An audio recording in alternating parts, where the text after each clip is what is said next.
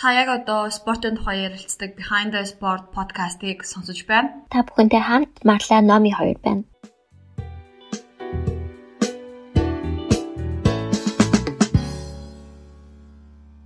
Хандэ спорт подкастын 6 дахь дугаарыг сонсож байгаа танд баярлалаа. Бид энэ дугаараараа спортын дасгалжуулагч, спортын сэтгэл зүйч Мандуулыг урьж оролцуулан дасгалжуулалтын талаар ярилцсан байгаа. Мандуул бидэнтэй SBL хасын үлгүүд баг дээр ажиллаж исэн туршлага болон 2014 оны Инчоны Ази наадмын битээ шгшээ баг дээр ажиллаж исэн туршлага мөн Монголын тусгай олимпийн орны цасан бөмбөгийн баг дээр ажиллаж исэн туршлагуудаа хуваалцаж бэлтгэлчлэлтийн төлөвлөгөө, тамирчдын онцлогийг хэрхэн тодорхойлж төлөвлөгөө гаргаж бэлтгэлээ хангах талаар ярилцсан Ингээд бидэнтэй хамт байгаараа энэ бол Behind the Sport podcast.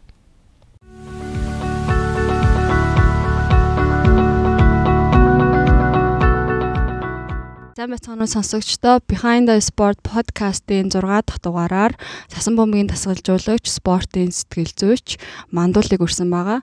Та бидний сайн мэддэг Мандуул Авиаслог монголчуудын хөтлөгч гэх хүмүүс мэднэ. 2012-оос 13 оны Сасан бомбын дээд лигийн SBL хасын үлгүүд багийн туслах тасгалжуулагчаар ажиллаж байсан. Мөн 2014 оны Азийн Инчоны наадмын эмэгтэй Сасан бомбын үндэсний шишээ багийн атлах тасгалжуулагчаар ажиллаж байсан. За 2019 онд Монголын тусгай олимпийн хорооны Сасан бомбын Эрдэнэ шгшээ багийн алхад тасгалжуулагчаар ажиллаж байсан. Манай бас олон улсын бэлтгэгдсэн цөөхөн тасгалжуулагч нарын нэгтэй бид нар өнөөдөр тасгалжуулагч ба хоол зүйн талаар ярилцгаар ирсэн байна. За мандуулаа сайн уу? За сайн байна уу? Сайн байцгаана уу? За хэдүүлээ энэ подкастыг яах юм? Амар формал явах юм уу эсвэл хамаагүй явах юм уу? Хамаагүй явъя. Хамаагүй явах уу? За тэгвэл сони юу байна? Марла дугаарч байгаа мó? Бэн бэн. Сайн уу мандуулаа. Сайн уу. За сонир сайхан юу байна?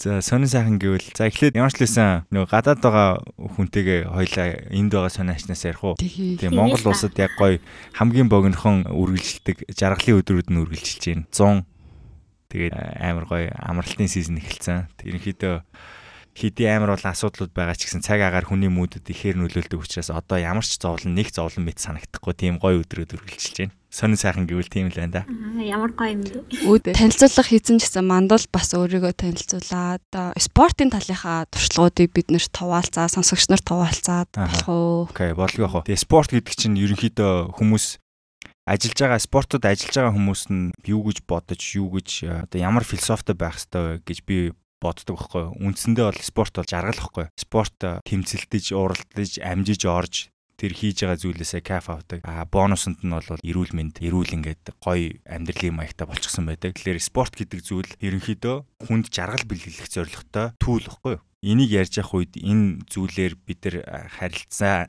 ямарваа нэгэн байдлаар харилцаанд орж явах үедээ үргэлж жаргалыг мэдэрч явах хэрэгтэй. Хөл бөмбөг үзэж байгаа хүмүүс хэдий эсрэг талын фанатууд хоорондоо зодтолдог яадаг гэдэг тийм кейсүүд байдаг ч гэсэн тэр бол хүн хүслийнхаа төлөө тийм хүртэл зүйл хийж болж байгаа жаргалын мөч байдаг хөөе спортыг хөгжүүлээд хүн болгон спортоор хичээлж чадах юм бол тэнд ямарваа нэгэн байдлаар аз жаргалын индекс нь тухайн хүндээ өмнө байснаас илүү хөгжих тийм өсөх магадлалтай тий.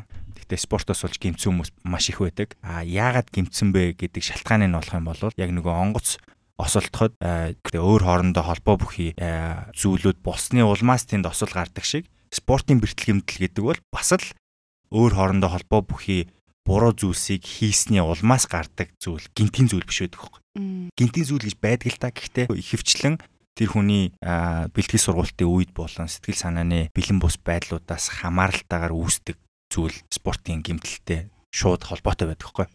Тэгэхээр хэрвээ анханасаа эхлэн зүг тавьсан байх юм бол тэндээс гимтэх эрсдэл нь маш бага байх бол.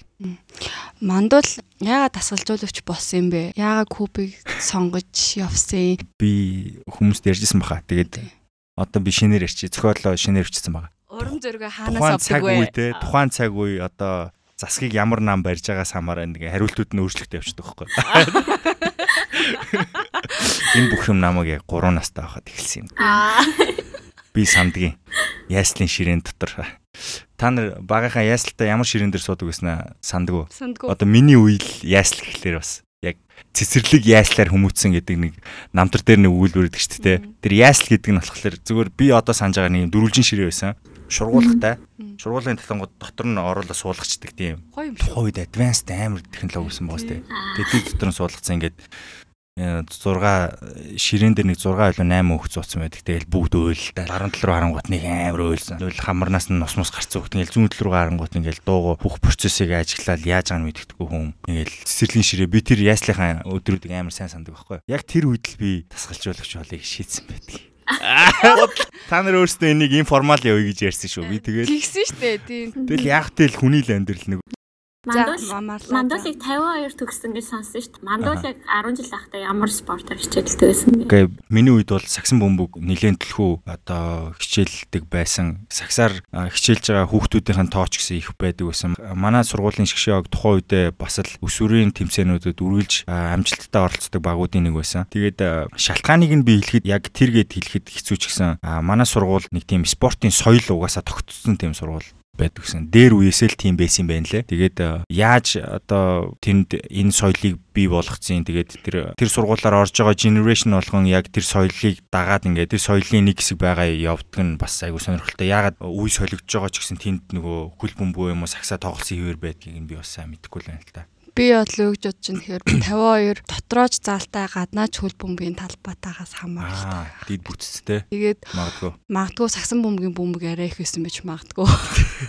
Болоолоо одоо л тийм тэр чин тиймэрхүү юмнаас бэлтгэлжилт шууд хамааралтай байдаг шүү дээ. Тийм тэгээд бас волейбол ч гэсэн тухайн үед бас л аутстайн маш өндөр ур чадвартай тамирчдыг бий болгож исэн юм байна лээ. Одоо цаг хугацааг ухраах юм бол 52-оос гарч исэн тохиолдлууд их байд юм л. Сагсан бөмбөгөөр хичээлдэг байсан. Тэгээд сагсан бөмбөгөөр ер нь л багасаа сакс тоглосондоо манай аав ээж хоёр наваг сакс тоглохгүй гэж их юу гэхлээр манай аав спортсмен байсан. Тэгээд аав ч гэсэн чи спортсмен болоод хэрэггүй. Миний амьдрал ямар байгааг хартаа манай спорт хөгжөөд ингээд тамирчин тасгалжуулагчтай тийм ээлтэй улс орон биш. Тийм болохоор энэ одоо төрлийг сонгож хичээлэд хэрэггүй гэд зөвлөгөө олон анхааруулгыг айгүй хилдэг байсан. Тэгээ би цонхороо бэлтгэлийн хуцаа шидээд гартаа ном дэвтэр цаасаа бариад би хичээлээ хэлээд давталганд суулаа гэж хэлж гараад гялскүүгээ 3 давхраас доош бууж цүнхтэй спортын хувцсыг аваад заал руу очиж бэлтгэлээ хийгээд оройн одоо манай найз мөнх дэлгэр энийг сонсоосоо гэж хүсэж байна. Мөөгийн яг сургуулийн ажуудлын байр байдаг гэсэн. Тэгээ би мөөгийн гэрлөө хөшөө маа миний хувцсыг хатаачаараа гэд нойтон байгаа юм чинь. Тэг цүнхтэй хувцаа мөөгийн дөгөөд тэг гэрлүүга дэвтэр номоо бариад ордог гэсэн гэртээ орохдоо сайхан таталгаа хийсэн, даалгавар хийсэн л хүүхд орж байгаа шүү дээ. Тэгэл маргааш нь хичээлээ тарахтаа мөгийгөөс хувцас аваад гэртээ очиж хувцас солино эсвэл угаан тэгээд тэгэл ингэж үргэлжилдэг байсан. Тэгээд нууцаар сакс тоглодог байсан. Мандалын аавыг танилцуулбал 2000 онд Монгол улсын олимпийн спортыг анх удаага олон улсын тэмцээнээс медаль авахсан эмэгтэйчүүдийн багийг тасгалжуулж исэн тасгалжуулагч бол Баско агш буюу Баасан сүрэн манай мандуулын аав домог тасгалжуулагч гэдэг. Тэгээд эрчим баг бол Монголын одоо үе үеийн шилдэг болиолын тамирчид болон залуучуудын урам зориг авдаг тамирчдыг бэлддэг тийм философитой тасгалжуулагч гэж би хардаг байхгүй юу би мандуултаа болохоор айгүй нийтдээ Солонгос сүүлийн үндэсний сургуульд спортын менежментээр сурж байхдаа манай ингийн хоёр хүүхэдтэй нэг нь Ботсвана нөгөөтг нь Лесотогоос ирсэн хүүхэдтэй Кубад хамт сурж исэн байт юм аа. Манай манай сургуулийн доотлын курсын нэг ижлэгэн яг нэг курсын баг манай ангийн хүүхэдтэй хамт э, номи сурч таарад Тэгээ нөгөө хоёр чинь миний бүр хомбоо байгаа юм чи юм бүр. Тэгээд Сеулд бид хэд таарад бүр амар гоё санагдчихсан. Хаа байсан нөгөө дэлхийн нөгөө талд нэг арал дээр хамт байжсэн хүмүүстэйгээ Аз ТV-д уулзсан чинь. Тэгээ айгүй олон жилийн дараа уулзсан чинь бүр нүдэнд нулимс цэлгэн шахуул юм болж тээ. Өмнөд Африкийн бүгд найрамд туулсан нэг тийм юунд? Ресторанд ороод тентхийн үндэсний хоол үндэсний шар аргийг нууж үсттэй Одоо Андуул нэг яран дээрээ нөгөө нэг судалгааныхаа ажлын талаар нэг ярьжсэн шүү дээ. Монголын тухай нэг судалгааны ажил хийжсэн чинь юм дата олдохгүй болохоор Вьетнам дээр хийцэн билүү те. Тэр нэр айгуу гоё. Миний тезис гоё яриач. Миний дипломын ажил болохоор спортод сагсан бөмбөгт авьяас чадвартай хүүхдийг сонгон шалгаруулах, эрт насанд нь сонгон шалгаруулах тест боловсруулах. Аа наач нөө talent development шүү дээ. Мөн үү? Тий talent detection аахгүй. Detection. Development нь болохоор дараагийн стадиум. Эхний миний зүгээр тестсэн яг юу нь болохоор яаж хүүхдийг эрт насанд нь онцлоод спортын аргачлалуудаар онцлоод тэр хүүхд сагсан бөмбөгт авьяастай байж болох юм а гэдгийг одоо Монгол хүүхдэд зориулсан тэр загварыг боловсруулах байсан байхгүй. Тэгэхээр Монгол хүүхдэд гээд хилчингууд Монгол хүүхдийн бие бэлтэр физиологийн хөгжлийн судалгааны дата надад хэрэгтэй болдог байхгүй. Тэгэд тэрийг би 10 онд авах гээд наашаа ирсэн. Тэгэд хамгийн гол нь Куб маань өөрөө социалист орн учраас яг интернетийн хэрэглээ ард нийттэй тийм ил одоо чөлөөтэй биш. Дээрэс нь удаан Тэгээд интернетээр энэ датаг уг нь авчиж болох байсан хэдийч би өөрөө ирж одоо энэ дататайгаа судалгаа хийж байгаа хүмүүстэйг нь уулзаж миний хүсэж байгаа дата байна уугүй гэдгийг мэдэх шаардлагатай болоод 10 онд би буцаж ирсэн чинь харамсалтай нь энэ дата Монгол улсын хэмжээнд хийгдээгүй. Ер нь Монгол хүнээ судлаагүй байсан юм байл. Тэгээд судалсан тохиолдлууд нь тухайн үеийн надад олж исэн датагаар юу вэ гэхээр эрүүл мэндийн шаардлагатай эрсдэлтэй хүмүүсийнхаа бүлгийг авч судалсан байсан. Нэг өсөндөө эрүүл Монгол хүүхдийн хөгжлийн явцыг мэдэхгүйгээр тухайн хүүхдэд боловсролын одоо системийг боловсролын хөтөлбөрийг боловсруулж хийдэг байсан байна гэсэн үг. Тэгэхээр энэ бол их алдаатай зүйл л дээ.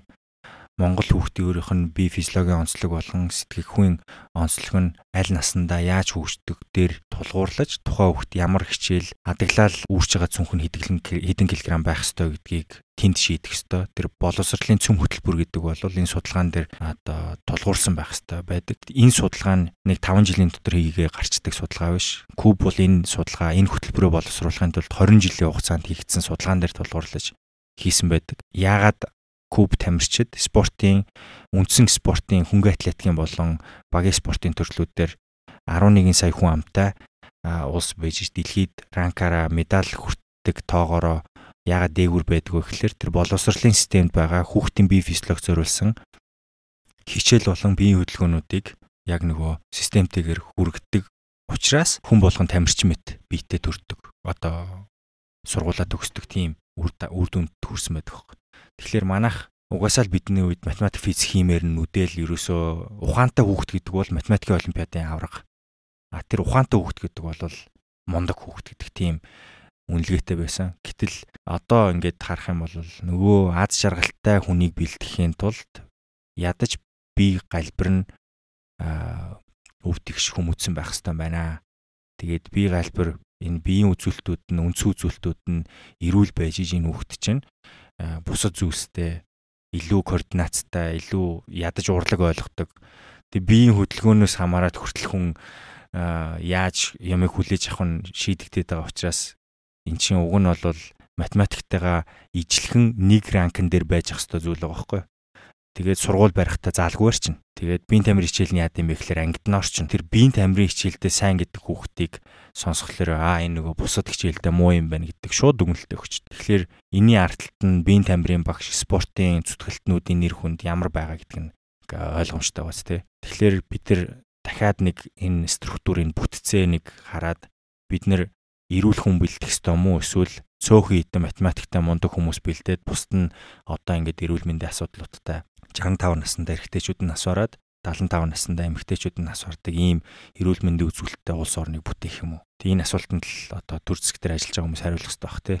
Уг нь бол энийг даруй эхлүүлчих юм бол энэ судалгааны ажлууд чинь одоогоос 5-аас 10 20 жилийн дараа зөв үр дүнгээ өгөөд тухайн үеийн бидний одоо хүүхдүүдийн насн дээр тэдний хүүхдүүдийг бэлдэх хөтөлбөр нь үнэн бодиттой гарч ирэх гээд байгаа. Яг үнэ. Тэгэхээр нөгөө цаг үеийн шийдвэрийг гаргаж өөртөө оноо авахыг хүсдэг хүмүүсийн хувьд бол энэ шийдвэрийг гаргах нь тухайн хүмүүстэй шаардлагатай бус учраас энэ ингээл жилээс жилд ингээл хоош нь тавигдал явдаг байх л та. Тийм юу юм бэлээ шүү мандала түрүүний одоо чиний саний ярьж байгаа зүйл би эргүүлээд орчин. Энэ дээр ганцхан юм болохоор саяхан би нэг юм уншиж хахад 2016 онд яг устаяар би бэлтрийн сорилт гэдэг юм эхлүүлээ дата цуглуулад эхэлсэн юм бэлээ.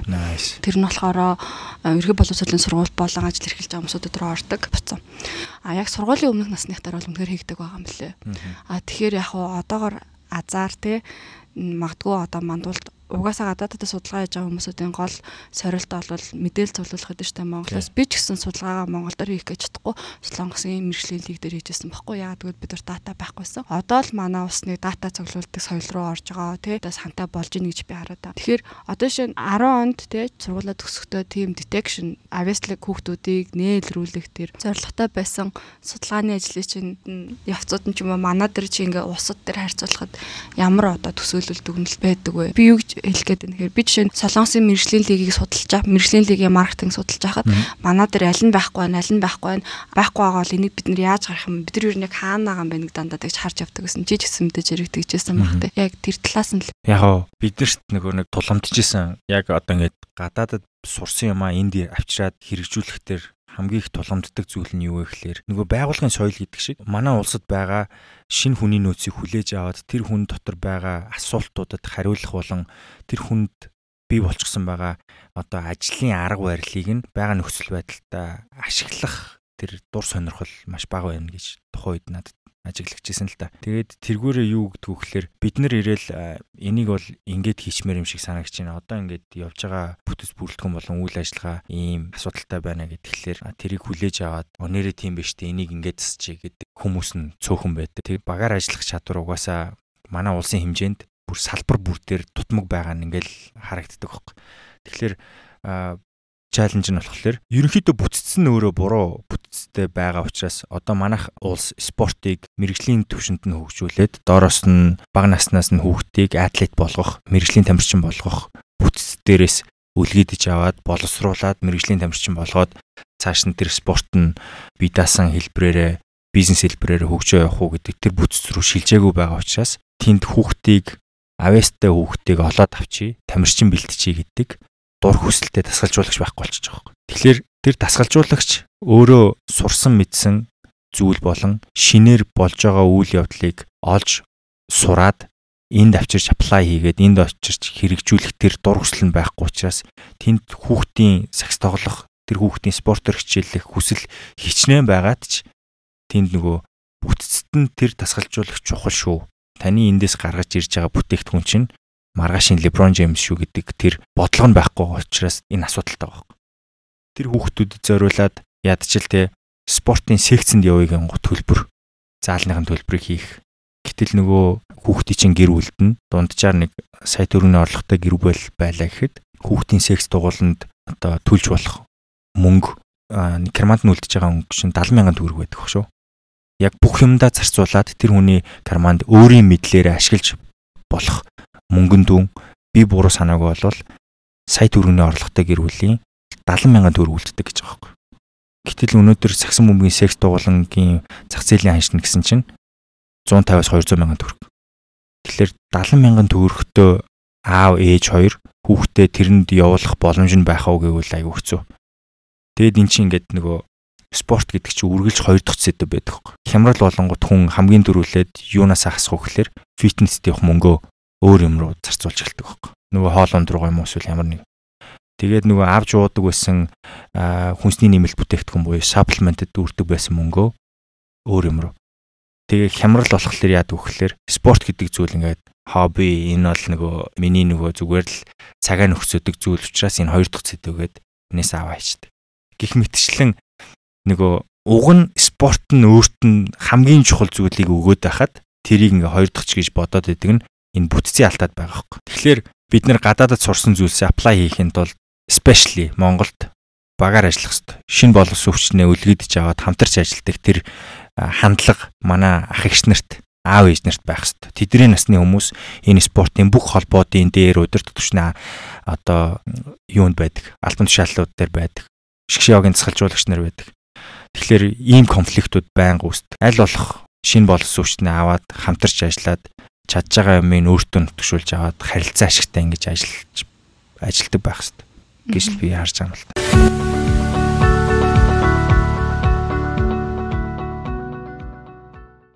Тэгвэл яг нэг саний ярьжсэн зүйл дээр ургуулад тасгалжуулагчийн хөгжүүлэлтийн талаар би яг асуух гэсэн бохоггүй.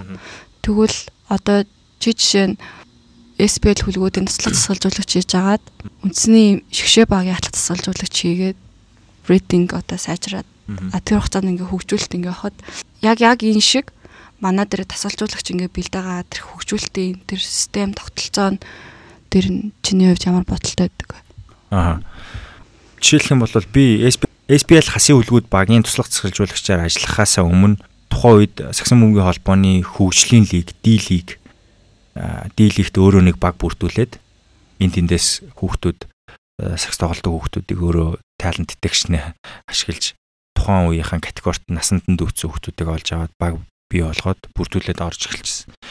Тэгэд тэр тэмцээнд оролцоод явж хахад би мэрэгжлийн лигийнхны нүдэн төртөөд тэгээд SBL анх надаа туслах сэржүүлэгч болох саналыг тавиад дээдлэг рүү орчихсон. Яг энэ бол ингээд цэвэр азан дээр би болсон шийдвэр байсан байгаа хөөе. Намайг тэр лигт баг бүрдүүлж орсныг олж мэдээд хамтрах саналаа тавиад би тэрийг зөвшөөрсөн гэдэг бол энэ тэр хүмүүс мдээгүй бол би дээдлэгт тасгалжуулагч 2012 онд орох боломжгүй л байсан гэсэн үг байхгүй. Тэгэхээр 11 онд болсон энэ тэмцээн дээр би болсон тухайн үед миний хэрэгжүүлжсэн одоо миний багаа яаж авч ирсэн авч явж исэн байдал маань тухайн хүмүүсийн нүдэн төртөө намайг дээдлэг рүү авсан байна тий. 12-оос 13 оны дээдлигийн туслах цэцэлжүүлэх хийж явж байгаад 14 онд над Инчоны Азийн наадам руу орох үндсэн шгшөөгийн цэцэлжүүлэгч болох саналыг тухайн үед шгшөөг дээр ажиллаж исэн энэ биш багш өөрөө саналаа тавиад за энэ дээр чи ажиллах хэрэгтэй байна гэдэг саналыг тавьж исэн. Тэгэхээр би бол ямар нэгэн тийм шатлан дэвших системгүй энэ шгшөөгийн одоо тасгалжуулагч би болсон байгаа байхгүй. Энэ бол маш буруу зүйл байхгүй. Би тухайн үед сагсан бөмбөгийн үндсэн шгшөөгийн ахлах тасгалжуулагч. Тэгээд яг би яг тухайн үед ингээд шууд үндсэн шгшөөгийн тасгалжуулагч болох ёстой байсан хүн нүг гэвэл буруу тий. Аа дээдлигээс эрэгтэй баг дээр ажиллаж исэн хүнийг эмэгтэй багийн үндсэн шгшөөгийн тасгалжуулагч болгоно гэдэг одоо тэр шийдвэр бол тухайн үедээ бас үнэхээр шүүмжлүүлжтэй шийдвэр байсны хувьд бол байсан. А тэр саналыг надад тавихад би үгүй гэж хэлэхгүй. Хинт ч тавьсан гэсэн би үгүй гэж хэлэхгүй байх гэж бодож байна. Дасгалжуулагч нарын мөрөөдөл бол үндэсний шгшөөгийн дасгалжуулагч болоод цаашлаад NBA-гийн дасгалжуулагч болох гэдэг тийм мөрөөдөлтөй байх ёстой угаасаа. Тэр амбишн дасгалжуулагчд байх ёстой. Үгүй болвол нөгөө амбишн нь би үндэсний шгшөөгээ тоглолдог, NBA тоглолдог тамирчин бэлтгэх дасгалжуулагч болно. Тэ? Багаас нь. Эрт наснд нь би хөгжүүлдэг тийм дасгалжуулагч болно гэдэг тэр мөрөөдөл байх ёстой. Тэгэхээр яг манай улсад яг нөгөө нэг энэ спорт нь өөрөө спорт холбоотууд нь өөрсдөө бүтцтэй аргачлалуудыг манай одоо хууль хууль тогтоох байгууллагууд ч гэсэн байдаг. Хэдэн жил ажиллаж ийж энэ төвшөнд очоод хэдэн жил ажиллаж ий дараагийн төвшөндөө очно систем схем байх хэрэгтэй те бүтцийн тэр схем нь байх хэрэгтэй. А тухайн үед бол тийм байгаагүй. Гэтэл яаж юм гэхээр нэгдүгürt сагсан бөмбөгийн дасгалжуулагч мэрэгжилтэй хүн дасгалжуулагч хийх ёстой гэдэг хамгийн ихний дүрэн баг хэвээр. Тин дотор нөгөө тамирчин байсан хүн маань дасгалжуулагч хийгээ явж идэг. Тамирчин байсан хүн дасгалжуулагч хийж болохгүй гэсэн үг биш. Болно. Та гэхдээ дасгалжуулагчийн арга барилд сураад, заах арга барилд сураад, тамирчдтай ямар төвшний дасгалжуулагч байхаас хамаарат тухайн тамирчиндээ хэрэгцээтэй мэдлэг мэдээлэл болон тэр үйлчлэгийг үзүүлэх сургалтанд суусан байх хэвээр. Тэр шаардлагыг холбоодууд тавих хэрэгтэй байхгүй. Ингиж тавьснараа тэр ажлын байран дээр хэн байхыг шийдэх гээд байгаа даа биш. Тэр тамирчинтай тэр тамирчин чинь хамгийн үнцэнтэй зүйл шүү дээ. Тэр тамирчинтай зөв боловсон зөв одоо шинжлэх ухааны сууртайгаар хандах тэр тасгалжуулагч байх үгүй гэдгийг тэр дүрм шийдэж байгаа байхгүй. Би тэр тамирчин пик дээр нь явж байгаа тамирчин гимтэл аваачих бүрэн боломжтой. Тийм болохоор тэрийг пик дээр нь явж байгаа тамирчин дараагийн энэ сизэндээ муу байлаа гэж бодоход дараагийн сизэндээ сайн байлгах тэр боломжийг олгох хүн бол мэрэгжлийн тасгалжуулагч. Түүнээс биш туршлага дээр бий болсон тасгалжуулагч биш. Тийм болохоор холбоодууд маань бүтцээ батлахтаа энэ шатлан дэвших мэрэгжлийн тасгалжуулагч нарыг үндэсний шгшөөгийн тасгалжуулагч болох хүртлэх тэр шат шатны тасгалжуулагч нарыг хэн хизээ ямар хүн байх уу гэдгийг шийддэг байх хэрэгтэй. Тэгээ дээрэс нь тасгалжуулагчийн мэрэгжил үн цэнтэй байх хэрэгтэй а дэлжилт рүү яг дасгалжуулагчийн ур чадвар бэлтгэлжилт рүү яг асууя гэж боддог. Дасгалжуулагчийн үндсэн ур чадварууд ямар байх юм. За энэ бол алга дасгалжуулагч өөрөг арай ур чадвар арай ондоо тий. Туслах дасгалжуулагч их тренерийн хараа ондоох бэлтгэлжилт гингуут чинь за хөдөлөө юу вэ? Ерөнхий боловсролын сургууль youth дээр яа. Мэргэжлийн багийг төр орхиод. Мэргэжлийн багийг төр орхиод ерөнхий боловсролын сургуулийн өсвөр үеийнхний бэлтгэлжилт тэмцээний өмнөх алга тасгалжуулагч юун дээр илүү анхаарах хэвтэй, тусал тасгалжуулагч юун дээр илүү анхаарах хэвтэй. Тэмцээний өмнөх сэргээлт зүгээр яагаад нэг сууж ихээр За одоо энд нөгөө нэг э, юу ярьж байна л да. Бидэрт нөгөө ярих subject одоо субъект нь байхгүй учраас бид нар амар ерөнхий зүйл ярих болох байх л та. Тухайн тамирчин бид нар илэрхий тамирчин дээр те нэг баг дээр ярих юм бол энэ дээр маш олон зүйлс яригдчих болно. Тэгэхээр одоо нэг баг болон тамирчингүй байгаа учраас бид ерөнхийдөө коуч ямар арга барилаар хандах ёстой гэдэг зүйлийг ярих ёстой болж байгаа шиг байна тийм. Дасгалжуулагчд уг нь бол тухайн тоглолтын дээр гарахад үл мэдэгдэх хувьсгч нь ганцхан тэр тоглолтын үр дүн л одоо тухайн олон улсын тэмцээн биш дотоодын тэмцээнэ эхлээд яриа те. Олон улсын тэмцээн дээр очиход ч гэсэн энэ таамаг бас ерөнхийдөө бэлэх хэвээр юу гэхээр миний төлөвлөгөө сайн байх юм бол миний тухайн баг дээр ажиллаж байгаа макро төлөвлөгөө сайн байх юм бол хэдэн жил бэлтсэн мэдгүй те. Нэг жилийн бэлтгэл хийсэн юм уу, дөрвөн жилийн бэлтгэл хийсэн юм уу? Тэр сайклаас хамаарат тухайн баг дээр би болгосон миний тасгалжуулагчийн хийсэн төлөвлөгөө сайн байх юм бол үр дүнгээ би барагцаалж чадна. Гэхдээ тэр үр дүнг би бараг нэг 70% та хэлж чадна шүү. А тэр төлөвлөгөө муу байх юм бол тоглолт болгон сюрприз байх бол. Тамирчин болгоны үйлдэл сюрприз байх бол. Тэр төлөвлөгөө сайн байж ш бид нар бэлтгэлжилтийг тэмцээний өмнөх үе, оф сизон үе, сизны өмнөх үе, тэгээ сизны үе, тэмцээний үе, дараагийнх нь бас нэг тэмцээний үе гэж байгаа. Тэр нь аврагын төлөө гарч ирсэн бол тэр үе, тэгээ тэмцээний дараах үегээд ер нь бэлтгэлийн төлөвөг энэ ийм төлөвүүдэд хуваадаг. Тэгэхээр энэ үеуд дээр тухайн тамирчингаас ямар реакц гарах хэрхэн байх гэдгийг тэр төлөвлөгөө маань үжээ надад хэлээд өгсөн байдаг. Тэгэхээр энэ төлөвлөгөө гэдэг зүйл бид нар дата цуглуулж эхэлдэгтэй ижилхэн баг дээр ажиллаж байгаа тасгалжуулагч нарын хувьд хамгийн чухал зүйл бол тэр төлөвлөгөө нь олон жил аплай хийсэн тэр төлөвлөгөө олон жилийн туршид нөгөө төлөлгөө чинь боловсрдог байхгүй энэ үе дээрээ ийм ямиг илүүд үтсэн байна. Энэнийг дутуу хийлсэн байна. Энийгээ илүү байх байлгасан байна гэдгийг тэмцээн болгоны дараа дүгнэлтэ өгч тэр үр дүн бол нэг тоглолтод нэг тэмцээнд ялагдсан үр дүн чухал биш. Харин тэр цаасан дээр үлдэж байгаа зүйл дараагийн сизонд ороход баяцсан байх нь чухал байдаг. Тэгэхээр тэр дасгалжуулагч тамирчинд хитрхи их акцент өгөх буюу тэр тамирчин ийм байсан учраас гэдэг зүйл ярихаас өмнө тэр багийг бий болгож байгаа тэр төлөлгөөн дээр хамаг анхаарлаа өгж тэр төлөлгөөг хайрлаж дэрлэж унтчих хэвээр. Тэгэхээр надад байгаа хамгийн чухал түлхүүр бол нууц бол тэр төлөлгөө хийх аргачлал. Кубус надад юу хийсэн бэ гэхээр тэр бэлтгэлжилтийг төлөвлөх тухайн тамирчин бэлтгэх ноу хавыг л өгсөн байхгүй. Тэр төлөвлөгөөний дагуу явчихад надаа яг түрүүний чиний жишээ авдаг те тэмцээний үеэр би ингээд сандраад үндсэн ур чадвараа би мартахынсан байдаг. Өөрийнхөө сэргээх тэр бэлтгэлийг хийгээгүй байдгаа гэж чинь те.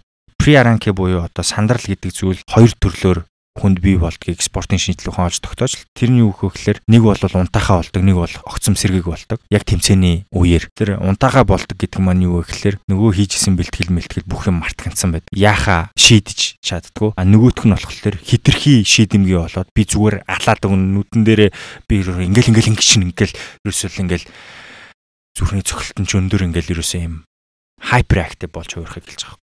Гэтэл тэрний яг дундалт нь байгаа нейтрал дээр тамирчин байх хэвээр бүх зүйл фокуст нөгөө сюрприз гэдэг зүйл тэнд байхгүй. Гарах үр дагавраа өөрөө бараг харчихсан талбай дээр очиод ямар орчин намайг хүлээж аваад тэнд юу болох вэ гэдгийг уншаад нөгөө тоглолтыг дээрээс нь харах хараад нөгөө дотроосоо ингэж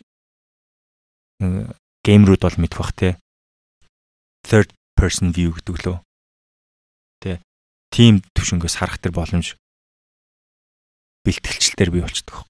Тэгэхээр багийн сэтгэл зүйч гэдэг зүйл яагаад байх ёстой? Туслах засалжуулагч юу хийдгөө? Ахлах засалжуулагч юу хийдгөө гэдэг тэр нөгөө олон хүмүүс байгаад байгаа шалтгаан нь ерөөсөө тэр сэтгэл зүйч гэдэг бол тухайн тамирчинд болж байгаа тухайн баг бүлгүүдэд болж байгаа харилцаан дээр байгаа асуудлууд болон шаардагдах тэр нөгөө нэг сэтгэл хөдлөлийг контролдох тэр мэдлэг тамирчид бие бинийгээ таних хүндлэх тэр тасалжуулагчийн орохгүй байгаа тэр секторыг хариуцж ажиллах хэрэгтэй. Тусгал тасалжуулагч бол individual player-ууд дээр ажиллаж яадаг. Тэр individual player тоглогч бүр дээр харилцаж яадаг. А харин ахлах тасалжуулагч руу тухайн тоглогч дээр бий болоод байгаа асуудал үгүй болвол тэнд бий болсон байгаа жижигхэн хүслийг тасгалжуулагчид шивнэж өгөөд бүлгийн одоо тухайн багийн сайн сайхны төлөө тэр жижигхэн тамирчин юу хийж чадахыг хажуу талаас нь сануулж яадаг үүргийг туслах засалжуулагч эзэмшдэг. Ахлах болвол шийдвэр гаргах. Тэр шийдвэрт бусад засалжуулагчид нөлөөлөх хүч мэдээллийг өгөхөөс нөлөөлж болохгүй. Учир нь юу вэ гэхээр тэр сизон дээр баримтэлж ажилласан философи болон төлөвлөгөө буруу болсон үед ахлах тасгалжуулагч хариуцлага хүлээж миний гаргасан шийдвэр буруу болжээ гэдэг шийдвэрээр дараагийн сизонд юу болох нь шийдэгдэг байх хэрэгтэй байхгүй. Гэтэл нөгөө шийдвэрийг хамтаараа гаргачих юм бол угаасаа энэ нэг структур чинь нэг хүн хариуцлага хүлээхийн тулд шийдвэрээ гаргадаг байх хэрэгтэй. Яг л тхийн тулд заавал хайд коуч байх хэрэгтэй. Гэх мэтчлийн юм үнсүр. Гэхдээ тэмцээний үе болон тэмцээний өмнөх үед энэ хүмүүсийн ажилдаг арга барил, цагийн хуваар эдэр бүгд ондоо яг энэ түвшинд нь тасгалжуулагч нарыг бэлдэх хэрэгтэй. За тэгвэл Веспел хүлгүүдээр тусаар тасгалжуулагч хийжсэн. Тэр үед одоо тамирчидтай мэрэгжлийн тамирчидтай ажиллах онцлог нь ямар байсан бэ? Бүр эсэргээрээ өнгөрсөн жил тусгай олимпийн тамирчдуудын алхас сэлжүүлэгч хийжтэй. Тэрнэр би чи бас ямар тактиктай яаж явж ирсэн бэ? Тэгээд эмэгтэй үндэсний гişэ багийн алхас сэлжүүлэгч хийж байхад бас гол барьсан тактик туршлага дээр бэлтгэлжэлтэй юу төлөвлөгөө. Гэхдээ ерөнхийдөө юм байна. Би ингээд гаднаас ирээд гадны багууд дээр би тухайн үед Куб улсад байхдаа өсвөрийн шгшээ баг, өсвөрийн шгшээ баг дээр нь төгс курстэй өсвөрийн шгшээ баг дээр нь тасгалжуулагч, туслах тасгалжуулагч нөгөө шгшээ багийн бэлтгэлжилт нь хамрагддаг. Угаасаа хичээлийн даалгавар учраас тийм байсан. Тэгээд тэнд ажиллаж байгаад энд ирээд тэр төвшөнд ажиллаж байгаад наашаага ирээд тамирчтай ажиллангууд хамгийн түрүүлж надад харагддаг асуудал нь юу гэдгүү гэхээр биеийн хүчний байдал. Тухайн тамирчны биеийн хүчний өгөгдөл нь дутуу байгаа нь багийн амжилттай шууд холбоотой байгаад ерөнхийдөө нэг тамирчин биш лиг тэр чигээрээ категори тэр чигээрээ төвшөндөө байх хэвээр биеийн хүчний үзүүлэлтүүд нь тутмаг байна гэж л харагдчихсан л та. Тэгэхээр миний хамгийн түрүүлээд хариулъя гэсэн шийдий гэсэн асуудал юу байсан бэ гэхээр тухайн тамирчин шаардлагатай explosiveness-ыг би сайжруулах хэрэгтэй байна. Тэр ч үгс үлээ. Тесрэлт. Яг гоо ингээ спортууд эхлээд анализ үнэлт өгнөлт өгтөө ямар спорт ямар төрөлтөө хамаардггүй тэр төрөл нь ямар хүчний төрлийг түлхүү ашигладаг гэдгийг тасалжуулагч өөрөө эхлээд детектив гэсэн. Сагсан бөмбөгийн спорт бол 48 минут үргэлжилдэг. Хамгийн динамик спортуудын нэг тесрэлтийн хүчийг түлхүү ашигладаг тийм спорт. Миний тамирчин 48 дахь минутан дээр шийдвэрлэх үед тесрэлтийн хүчээр дутаж болохгүй. Тэр үед тэр хүн тесрэх хэвээр бол тесрэх хэвээр. 50 дахь минутан дээр ч тесэрж явах хэвээр. 60 дахь минутан дээр ч тэр тесрэлт байж явах хэвээр. Буюу endurance сайн байх хэвээр. Тэгэхээр би тэр тесрэлтийн хүчийг сайжруулахын тулд энэ хүний хурдны хүчийг сайжруулах хэрэгтэй гэд энэ тийшээ аваачдаг юм зэрэглэлүүд байдаг. Заавал тавах хэрэгтэй зэрэглэлүүд. Тэрлүү шууд очиж болохгүй. Шууд очиж болно. Гэхдээ гимтгсэл. Тийм учраас тэр хүмүүстэй ерөнхийдөө аль болох залхаахгүйгээр бэлтгэлийг нь эндүрэн сэлбрээр эхлүүлээд сайжруулах, хурдны хүчийг сайжруулах тасгалуудыг аплай хийх. Тэгээд ирэхлээр баг дотор төрүүлээ сайжирчих хэд байна. Араас нь жоохон удаан явах хэд байна. Сайжрахгүй байх хэд байна те. Тэгэхээр тэдрийг яаж хооронд нь хольж дунд нь бүгднгийн нэг нэг төвшин ахиулах уу гэдэг тэр аргачлалыг бодох хэрэгтэй. Бас хэцүү юм нь нөгөө сайн байгаа тамирчингаа улам сайн болгохын оронд нөгөө муу байгаатайгаа нийлүүлээд нөгөөтгөө доош нь татчих вэ гэдэг бас асуудал. Тэгэхээр тэр болгон дээр тамирч тасгалжуулагч тухайн өдөр тухайн бэлтгэл дээр нэг арга барил энэ нь ингээд шууд энийг ингэт юм а гэдэг томьёо байх боломжгүй. Тухайн субъектээсээ тухайн үедээ ямар юуг үзүүлээд байна гэдгийг харж иж үнэлтэйгээд дүнэлтэйгээд шийдвэр гаргах тийм процесс өгөх. Дээдлигийн багууд дээр ажиллаж байхад ерөнхийдөө манайхны хурд хүчний байдал нь нөгөө би Латин Америкийн орнуудад байдаг тентхийн тамирчтай харьцуулахаар удаан сул дорой юм шиг харагдаад байх нь бол аргагүй. Манайхан ямар нөгөө нэг бейзэс гарч ирж байгаа, ямар бага наснд нь ямар системтэй бэлтгэлийг туулаад тэр төвшөнд очисон хүмүүс үлээ гэхэлэр угаасаа аргагүй. Хажуугаар нь ажиллаа яадаг мэрэгжлийн тамирчид биш. Тэд нар бол зөвхөн мэрэгжлийнхаа амийг хийгээ унтаад амардаг хүмүүс те. Тэгэхээр тэр хүмүүсийг яаж ирүүлэр сайжруулах уу гэдэг л асуулт байсан баг. Тэгэхээр нэг бактери тууштай ажиллаж иж энэ энэ үр дүнд хүрнэ. Нэг сизон бол хангалтгүй. Гэтэл манайх SPL гэдэг дан баг байжгаад сизний дундуур хасын хүлгүүд гэдэг багтаа нэгдээд тасгалжуулагчийн бие бүрэлдэхүүнд өөрчлөлт ороод дээрэс нь нөгөө хоёр багийн өөр уур амьсгалтай байсан хүмүүс нэгдээд тэнд маш том чаленж бий болчихсон. Тэгээд тэр жилдээ бид нар мөнгөн медаль аваад танангийн эсрэг тоглоод мөнгөн медаль авчихсан. Тухайн үед бол хамтарч ажиллаж исэн тасгалжуулагч нарын хувьд арга барилын зүг рүү их гарч исэн. Миний хүсээгүй зүйлсийг хийжсэн. Яалч аргагүй усыг нь уул ёсыг нь дагна гэд би амаа хамхихаас өөр аргагүй байдлууд хүрч ирсэнтэй. Гих зэрэг одоо асуудлууд байсан. Өнгөрсөн хойно энийг ярьж байгаа ч гэсэн дараа дараачихан үеийн тасгалжуулагч болох ч байгаа залуус болон одоо ч гэсэн тасгалжуулагчаар ажиллаж байгаа хүмүүст бас хэрэг болох бах те. Хурал тасгалжуулагч нарын хурал гэж тусдаа байнга болдог байх хэвээр. Процессоо дүгндэг байх хэвээр. Үйл явдлыг даруй бүрт нь үнэлт өгөлтөө өгөөд маргаашт нь цохих шийдвэрийг нь аваад хөрвөх чадвартай байх хэвээр. Гих зэрэг юмнууд үргэлж тэ багийн спорт төр байж хэвээр. Энэ яг нэг компани удирдах байгаатай яг л ижлэхэн удирдлагын зөв удирдлагын арга барил менежменттэй байж иж. Тэгэхээр би бол дасгалжуулагчийн мэрэгчлээ хүмүүс маш олон болосоо гэж хүсдэг тэгжиж бүтээгдэхүүнүүд гарна тий. Одоо яг хамгийн сүүлийн тэр нөө тасгалжуулагч нарын хурал болох уулзалтыг асуудлыг шийдэх арга барил дээ. Тасгалжуулагч тамирчтай хуралддаг хурал, тасгалжуулагч нар хоорондоо хуралддаг хурал, тасгалжуулагч багийн эзэнтэй хуралддаг хурал тустай байх хэрэгтэй тий. Тэр Монголд бол энэ ингээ бүгдийг ингээ холиочдаг. Тэнгүүт тэр тасгалжуулагч өөрөөр ройл тэр баг дунд алдагдчихдаг тий. Багийн эзэнтэй тасгалжуулагч нараа бүх нийтээрээ байж хурал нь явагддаг тохиолдлууд их л байдаг гэсэн. Гол зүйл нь юу гэхээр Монголд хамгийн их үүддэг пицца ямар пицца мэдэх вэ? Холимог пицца гэж шүү дээ. Махтай. Махтай. Махтай бүх юм нь холигдсон пицца гэдэг шиг нөгөө манайхан шиг ерөнхийдөө бүгдийн нэг зэрэг аваад хийчих тийм сонирхолтой байдаг хэл та. Ер нь цаашдаа мэрэгжлийн спорт, мэрэгжлийн түвшин рүү ойртох тусам энэ бүх зүйл зүг олролтой орно. Орохгүй л болохгүй, орох ч юм чинь. Цэвэр багийн эзэд гэхлээр амар хоббитой хүмүүс, тухайн спорттой туртай хайртай дурлалцсан. Болдог бол өөрөө ороо тоглолчмоор тийм хүмүүс байгаа. Тэ аль болох тэр багийн уран амьсгалтай дотор нь байгаад юу болж байгааг мэдхийг хажуунаас нь харахыг хүсдэг. Бур утах юмгүй те байж болно. Дасгалжуулагч нар тамирчдтайгаа хийж байгаа хурал хурал болгоныг тийм асуудал биш байдаг те. Хурал болгон асуудал байхсгүй. Асуудалд шийдэл хийхин тулд хурал байхсгүй гэх зэрэг. Ер нь бол тамирчид хэрвээ мэрэгжлийн тамирчин бол хэрвээ мэрэгжлийн тамирчин бол ажил хийж байгаа учраас хариуцлага яригддаг. Тэнд шаардлагатай хандлага хийх ёстой зүйлсийг хийсэн байх ёстой зүйлс яригд. Зүгээр доороос явж байгаа тий дунд сургуулийн эсвэл оюутны баг бол аз жаргал яригдчих хэвээр таашаал авах хэвээр. Хурал дээр юу болсон сайхан зүйлсээ remind хийж тэрийгэ өөрсөндөө сануулж явах хэвээр. The end тоглолтоос бид амьд гараад ирлээ те. Дээрээс нь бид нэр гимцэнгөө те. Гих зэрэг иймэрхүү зүйлс motivational stuff ер нь бол айгүйх байх хэвээр. Манай би ч аавыг яг хааж тасалжуулагч хийж явах үед нь ч байсан. Аавыг тамирчин байхад нь аавыг тасалжуулж байгаа хүмүүсийг ч хааж талаас нь харж исэн. Ер нь би төрөл тухайд аав үндэсний шгшөөгийн тамирчин байсан. Тэгэл шгшээгийнхний мөрөн дээр өссөн гэж намайг ярьдаг байхгүй. Тэгэл намайг дагуулаад л тийш сөхөнөрөө тэр тоглолтод явцдаг. Тэгээд тамирчны амьдралыг би хажуунаас нь харж өссөн болохоор би маш амархан энэ спортын салбарт засалжуулагч уусч орсон байх гэж би бод. Тэр тамирчдыг хараад юу дутуу байгааг нөгөө сурсан мэдснээ жоо ашиглажхлаар ер нь бол мэдээд байгаа юм шиг надад санагдтыг. Энэ зүйл олон жил явах тусмаа бүр чанарч нь яг нөгөө сайн дарцсан ногоо шиг шүү. Чи сая яг виски батсан те. Дарсан ногоо шиг. Бид нар юутай ажилласан штэ сайхан нөгөө тусгай олимпийн тамирчтай тусгай олимпийн тамирчтай ажиллана гэдэг бол байж болох одоо тасгалжуулагч хүний мэдэрч бол хамгийн гоё экспириенсүүдийн нэг нь. За байж байгаа мандал уучлаарай. Би тусгай олимп пара олимпиорыг ялахгүй бол хүмүүс амар холдог хөхгүй. Пара олимп бол тулгуур эрхтний хөгжлийн бэрхшээлтэй хүмүүсүүдийг хэлдэг. Тусгай олимп бол оюуны бэрхшээлтэй хүмүүсүүдийн спортыг хэлдэг. Өөрөөр хэлэх юм бол даунтай, аутизмтай, саажилттай болон бусад оюуны өмсөлтөй тамирчдыг хэлдэг. За. Тэгээд тусгай олимпийн тамирчтай ажиллаж байхад хамгийн гоё байсан юм нь юу гэхээр хэрэгцээтэй энэ тусгай олимпийн тамирчдын оролцож байгаа тэмцээний хувьд хамгийн чухал зүйл бол оролцоо. Тэрд хожих хожигдох нь ямар ч тийм чухал зүйл биш.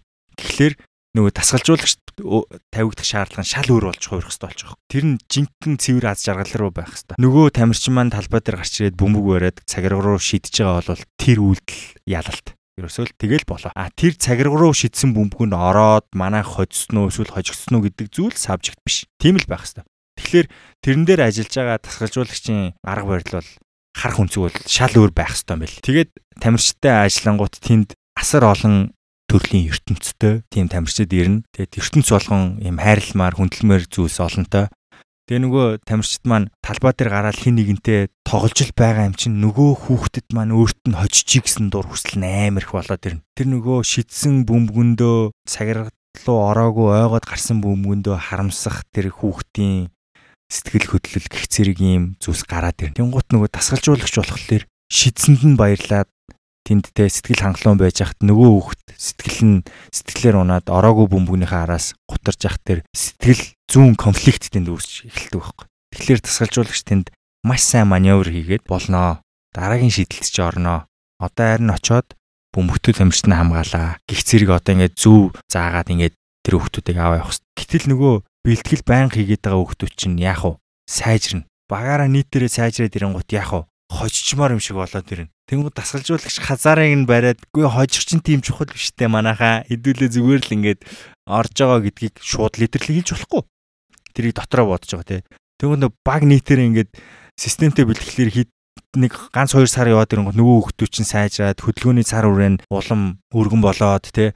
Тэгээд нөгөө бөмбөг бөмбөг ориентац сайжраа тий. Орон зай мэдрэхүү сайжраад шидж байгаа бөмбөг хаашаа ойх уу гэдгээ таадаг болоод гих зэрэг ингээд скилүүд ур чадрууд нь сайжраад ирэнгүүт багаараа өөй манайхаа хідүүлээ бараг болчих юм шүү. Болчих юм шүү Гэх зэрэг юм болоод ирнэ. Тэгээд нөгөө үр дүн гарахгүй болвол сэтгэл готрол руу шууд явна штэ нөгөө хүмүүс чинь.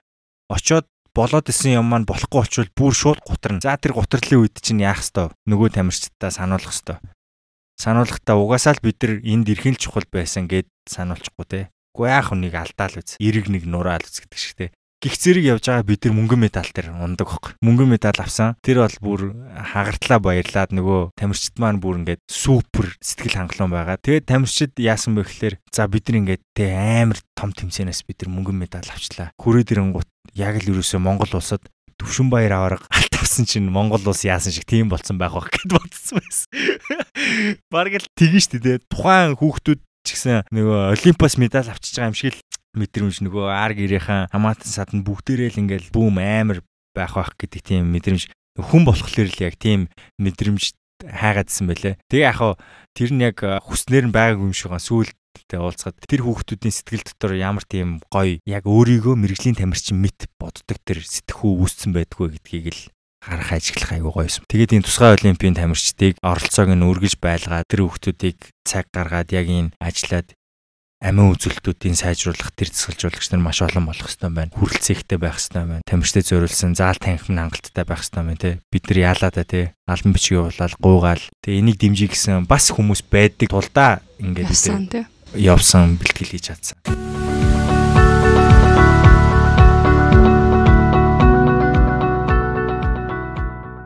Би мандууллын тасгалжуулсан багийг хэлээ л да. Анх би мандуулыг бол үнэхээр би энийг хийнэ гэж бодог. Яа тэгэхээр би тусгай олимпийн хооронд ажилладаг хүний хувьд тасгалжуулагч бэлтэн гэдэг бол миний зүгээр л толгооны өдөр тутмын өвчин бохгүй. Тэгээ би мандуул үнэхээр завгүй байдаг гэсэн. Зүгээр л би мандуулаас найздаа зүгээр л тасгалжуулагч болоод өгөөч гэж би гуйсан. Гэсэн чинь мандуул өөрөө хідэн өдрийн дараа чи хэрэг зөвшөөрвөл найз нь тасгалжуулчих уу гэж хэлэхээр би бүр ингээд шоконд орсон байхгүй нэгт Хоёрт яасан гэхээр мандуул үнэхээр бэлтгэлүүдийг айгуу сайн хэлчихсэн. Би байнга очдөг гэсэн ихтэй нөө ажиллагаагүй те. Тэгээ баг нь ямар баг байсан бэхээр жишээ нь SPL SPL хүлгүүд баг бол эрэгтэй баг байсан те.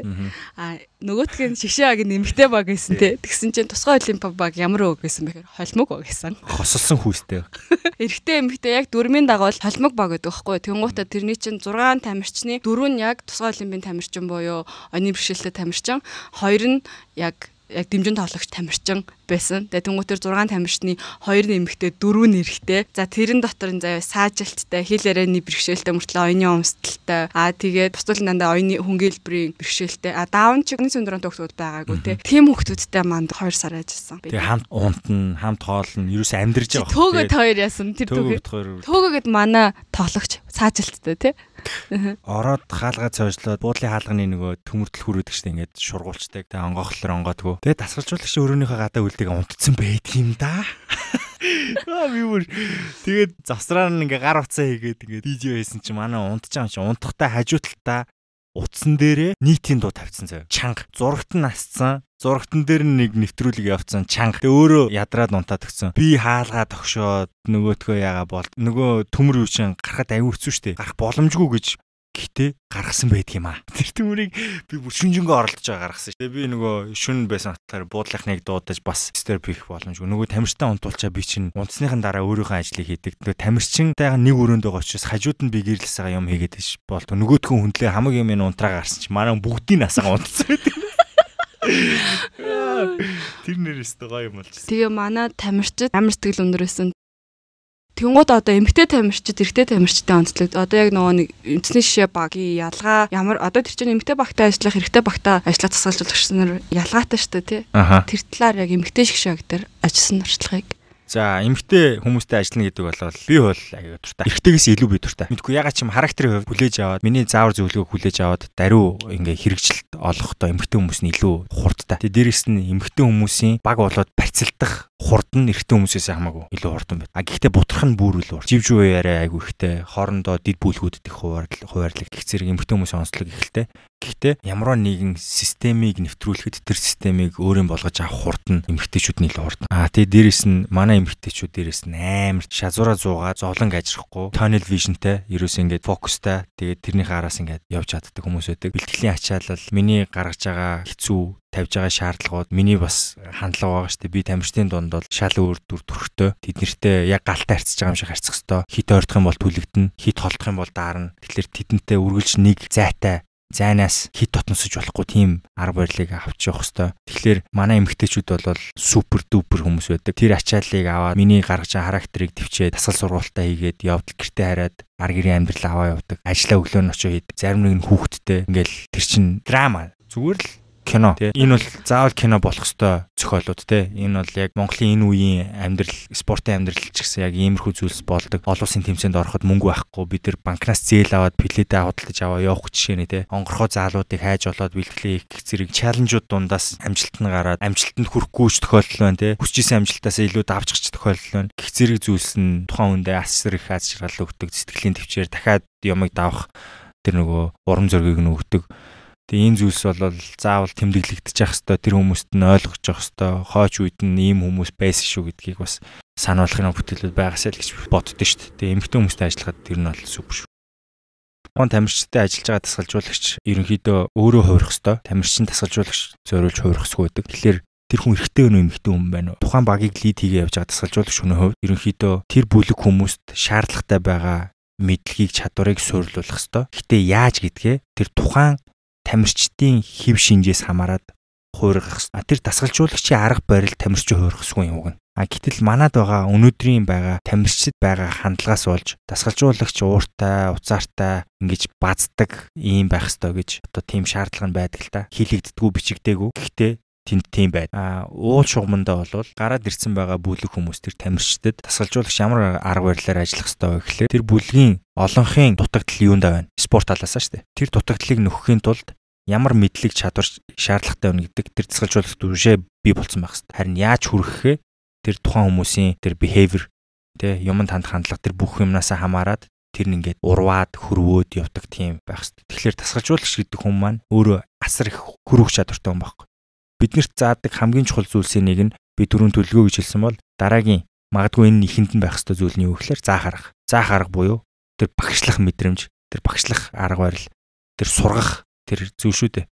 Тэгээд яг энэ зүйлсийг надад заасан байсан учраас магадгүй телевиз төгтлөг шийдэж чадсан баг. Би магадгүй өөр филд дээр ажиллах боломжтой болсон баг. Тэр нөгөө нэг заах арга болон хүнд мэдж байгаа зүйлээ тайлбарлах тэр арга зүй шүү дээ. Энэ арга зүй дотор ч олон юм байгаа шүү дээ. Нүдэ хизээ наних. Сайн үдэнс шүү. Гих зэрэг зүйлс те. Энэ манайх угаасаа нэг хөгжлийнхөө нэг үе дээр явж байгаа. Хөгжил дараагийн төвшөнд очиход энэ төвчний мэрэгжлийн боловсон хүчин олон болно.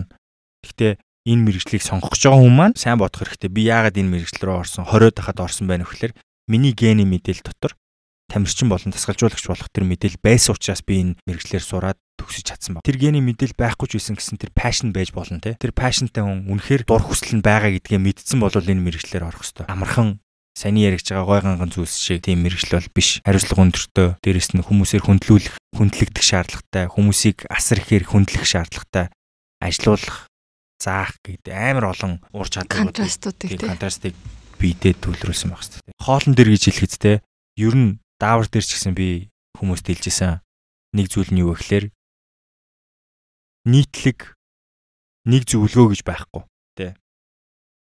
Та турыг гэж байгаа бол гурилан хас гэдэг зөвлөгөөг дагаж болохгүй. Гурилан хасхан зүйтэй юм уу гэвэл судлаад үзэхээр тарган үний хувьд гурилан хасхан зүйтэй гэвэл зүйтэй. Гэхдээ хүн болгоны бие физиологийн онцлог ондоо учраас таны бие дээр apply хийх гэж байгаа арга техник танд зориулсан customized tailor made байх хэрэгтэй байхгүй. Таны зөвхөн таны биед зориулснаар. Тэгэхээр өөй D витамин уу гинэ D-гийн дутагдaltaй хүн болгон байдаг гэж чинь гээд D-гээ бүгдээрээ уугаад байх нь буруу гэсэн үг. Та өөрөө тестээ өгөөд таны танд хэдийр хэмжээний D дутуу байгаа. Хэдийр хэмжээгээр хэдийр хугацаанд уух уу гэдгээ зөвхөн өөртөө зориулснаар мэдэж авах хэрэгтэй байхгүй. Тэгэхээр манайхан нэг гарч ирээл нэг ухаантан те мацаг гээл бүф гээл энэ нийгмийг тэр чигээр мацаг байруулаад мацхан зүв юм байна. Гэл тонго нөгөөдөл нь шуурал мацаг ингэж штэ гээл мацагтан монголчууд аа бицэнтэй ингээл явж иж болохгүй байхгүй. Тэгэхээр юу гэсэн үг вэ гэхээр хүний бие физиологтой холбоотой зөвлөгөө өгөх гэж байгаа бол та тэр зөвлөгөөг өгөх гэж байгаа хүнийг хайрл эн чин тэ тэр хүний бие физиолог ганцхан олох зүйл тэргээр тоглож болохгүй. Тэр зөвлөгөөг өгтөө жоохон бод critical thinking хий тэ хинд би юу гэж хэлэх гээд байгаа вэ? Эн чин зөв буруу тэр хүн намайг ингэ хэлсэн ч очоо хийгээд өгчүүл яах. Тэ та хариуцлах хүлээх үгүй штэ. Тэр хүн өөрөө шийдвэрээ хийсэн. Гэхдээ тэр хүний амь настай холбоотой, эрүүл мэндэд холбоотой зөвлөгөө өгч байгаа учраас энэ дээр be careful те болгоомжтой хандах хэрэгтэй. Тийм болохоор би бусад ийм зөвлөгөөнүүдийг заавал хэдий өөрөө би судлаад мэдчихсэн гэсэн мэдчихсэн ч гэсэн мэрэгжлийн үнэтэй байгаад especially эмч хүнтэй байгаад тэгж хэлүүлээд байгаа байхгүй. Тэгээ тэгвэл ингээ те хоол зүгээ хэдүүлээ шууд орой сонсогч нар бол мандуулын одоо ирэх дугааруудаараас бол хангалттай сонсох боломжтой лайфстайлын талаарх подкаст шүү дээ тийм ээ. А тэгвэл хэдүүлээ юу айдөө сэтгэл зүй болон бэртэл гимтлээ яриа тий. Тийм. За бэртэл гимтлээ эхлэе вэ? За бэртэл гимтэл. Бэртэл гимтлийн хувьд шүү дээ тий. Та бэртгэх үгүй чинь юу ийдснээс хамаардаг. Юу ийдснээс яаж бэлтгэл хийснээс. Ерөнхийдөө спортын тамирчид дээр гэж хэлэхэд юу идэж ууж байгаагаасаа бэлтгэл хийсэн хэрхэн хийж байгаасаа хамаардаг. А энгийн хүн дээр бол та гимтэх үгүй чинь төвхтэй амьдралын маягтай хөдөлгөөн хийж гэн. Дээрэс нь юу идэж ууж гэн. Хоёр нь дараалал нь өөрөө гимтэлтэй болсон хүмүүсийг харахаар өмнө нь ямар ямар үйлдэлүүд хийжсэн буцаагаад ингээд тухайн үед болсон процесс нь чухал биш. Тухайн гимтэл авсан процесс нь чухал биш. Тэр гимтэл рүү ирэх өмнөх өдрөөд өмнөх хугацаанд тэр хүн юу хийжсэн бэ гэдэг нь аягүй чухал байхгүй. Яг нь машины аварт ороод гимтцүүн байна л тэ тэр бол яхаарахгүй. Тэр гимтлийг бол яриаггүй шүү дээ. Спортын бэртэл гимтлийг ярьж байгаа шүү дээ. Таны бие та бие ерөөсөө яг сүмтэй яаж харцдаггүй те нэг тийм I treat my body like a temple гэдэг л нэг тийм үг гэдэг чинь те. Яг амар хүндэлтэй харьцах хэрэгтэй байхгүй энэ биеийг. Та өнөөдөр асар их хэмжээний мах идсэн байгаа бол их эзэн маргааш өнж гэдэг тэр үг амар үнэн үг. Та хоол ундыг яг ингээд өөртөө цогцуулаад биетэй орсон тэр нөгөө дуртай болгоно гэдэгтэй гол нь биш. Ийм нейтрал төвшөнд нь аваачих тэр хоол хүнсийг хэрглэж явах хэрэгтэй байхгүй. Энэ бол зөв зөвлөгөө. Ягаад тэгэхээр би хэмжээ хэлэхгүй байгаа юу гэдгийг хэлэхгүй байгаа шүү дээ. Гэхдээ олон төрлийн шимшүүстэй зүйлсээ идэж хэрэгэлдэг байх хэрэгтэй. Жилийн дөрөв улирал гөрөгчн доторх бүтээгдэхүүнүүд чинь солигдож байгаа. Та үл өргөчн дотроо аваад хийдэг юм чинь зун болохоор өөр байх хэвээр улир солигддог шиг таны ходоодн доторх зүйлс чинь бас солигдоод бодисын солилцоонд байх хэвээр зүйлс чинь маш олон зүйлс учраас хувираад ингээ явж байгаа. Тэгээд энийг ярихлаар аа манай монголчууд зундан цагаа идэгээ тэгээд өвөл махаа иддэг байсан гэж traditional concept-ийг ярьдаг. Энэ нь үнэн үү гэвэл үнэн зөв. Ягаад тэгэхээр тэнд солиод байгаа сте. Идж уух уушаа солиод энэ ч гэсэн яг ижлэгэн солигдож байгаа сте хүнсний нэмэлт бүтээгдэхүүн хэрэглэдэг болох нь зүйтэй. Basic need-ийг хангах бүх худалдаа авалтаа хийчээ дараа нь supplement-д зориулсан худалдаа авалт хийж болохгүй. Та supplement-д зориулж худалдаа авалт хийчээд үлдсэн мөнгөөрөө basic need-д зохицуулаа. Та хамгийн эхлээд өөрт чинь дутуу байгаа хүнсний нэмэлт бүтээгдэхүүн шаардлагатай байгаагаа лабораторийн аргаар тодорхойлцоод тэрэндээ мөнгөө зарцуулж тэрийгэ худалдаж авчаад дараа нь кино үзүртэй үзэх үгүй гэдгийг шийдэх гэсэн үг байхгүй. За, ерөнхийдөө бол энэ ерөнхийдөө шүү дасгалжуулагч нар бэртэл авцсан тамирчдаа яаж care хийх ёстой юм тэгээд бэртэл бэртэл авцсан байгаа тамирчин гэдэг бол таны хамгийн үнцэнтэй зүйл чинь гинт одоо тэ шууд сток дээр прайс нь унчлаа штэ Тэ хувьцаа дээр хувьцааных нь ханш нь унчлаа. Шууд унчлаа тий. Гэхдээ тэр хувьцааны ханш унсан идэж тэр бүтээгдэхүүний ханш тухайн компани ханш өсөх магадaltaй бол магадaltaй боломжтой юу боломжтой. Тэгэхээр тэрийг буцаагаад байсан. Тэрнээс нь байснаас нь бүр өндөр түвшинд авчрах аргачлалууд нь технологиуд нь бий болсон. Хамгийн гол нь тэр бэртлээс буцаад ирэхэд нь үүссэн байдаг хамгийн хэцүү юм нь тухайн үед бий болсон траума, сэтгэл зүйд нөлөөлсөн байдаг тэр айдсыг яаж даван туулах вэ гэдэг л зүйл байдаг. Тэгэхээр тэр бэлтгэл нөгөө яс мөч тэр зүйлсийг ангаагаад идгээчээд болдог. Гэхдээ нөгөө тамирчин маань тухайн гимтэл авсан үйлдэлээ дахиж хийхээс айдаг жижиг хэмжээний травматик ивент болчихж байгаа шүү дээ. За баярлалаа мандуулаа. Цаг гаргаж бидэндээ оролцсон. Тэгээ подкаст энэ түрээ дуусгая да. Окей, өрсөнд маш их баярлалаа. Ирсэнд маш их баярлалаа. Окей, өрсөнд маш их баярлалаа. Баярлалаа. Тэгээд бид хоёр мандуулын хийж байгаа гоё контентуудынх нь линкийг өөртөөхөө юун дээр тавьчих подкастынхаа description box дээр. Thank you very much. надаа нэг нэг хүүг юмхтэй баярлаа гэж хэлэхдээ ингэж хэлсэн байдаг би тэрийг хизээж мартгүй. Thank you very boost гэж хэлсэн. Тэр хүмүүс англиар ярих амар дургу. Тэгээд аялга нь айгуу. Тийм хэцүү байдаг. Тэгээд марлаа. Аа юу шүү. Та хоёрт би захиж хэлэхэд яг энэ сэдвтэй холбоотой подкаст мэдээ мэдээллийг цуглуулад хийж байгаа. Би хувийн зүгээс асар их талархаж байна. Яагаад гэхөө яагаад тэгэхээр тэ цаг нь болсон энэ тухай ярьдаг хүмүүс байх хэвээр тэр тусмаа залуу хүмүүс байх хэвээр тэгээ авахгүй ухаанаар хандах хэрэгтэй сонсож байгаа хүмүүс маань спорт хөгжих ёстой. Спорт хөгжих хөгжих ёстой шалтгаан нь тэр нь хоббидоо гол нь биш. Энэ нийгмийг чи эрүүл болгоод дээрэс нь аз жаргалтай байлгахын тулд хэрглэж болох хамгийн гоё түүл бол спорт. Тийм учраас энийг мэддэг, ойлгодог, хүндэлдэг, хайрладаг иргэд олон байх ёстой учраас энэ подкаст заавал байх ёстой гэж би хувьдаа бодож байна. Тэгээд та хоёр үргэлжлүүлээд хүчтэй хийгээд байгаарай. Тэгээд Япон Японы нөө хавыг нааш нь авчирч эндээ одоо нутгшуулах шаардлага болвол шаардлага өгөөд хариуцлага одоо чам дээр ирсэн байна гэж ойлгоод хариуцлагатай андараа. За баярлалаа мандуулаа. Амжилт хүсье.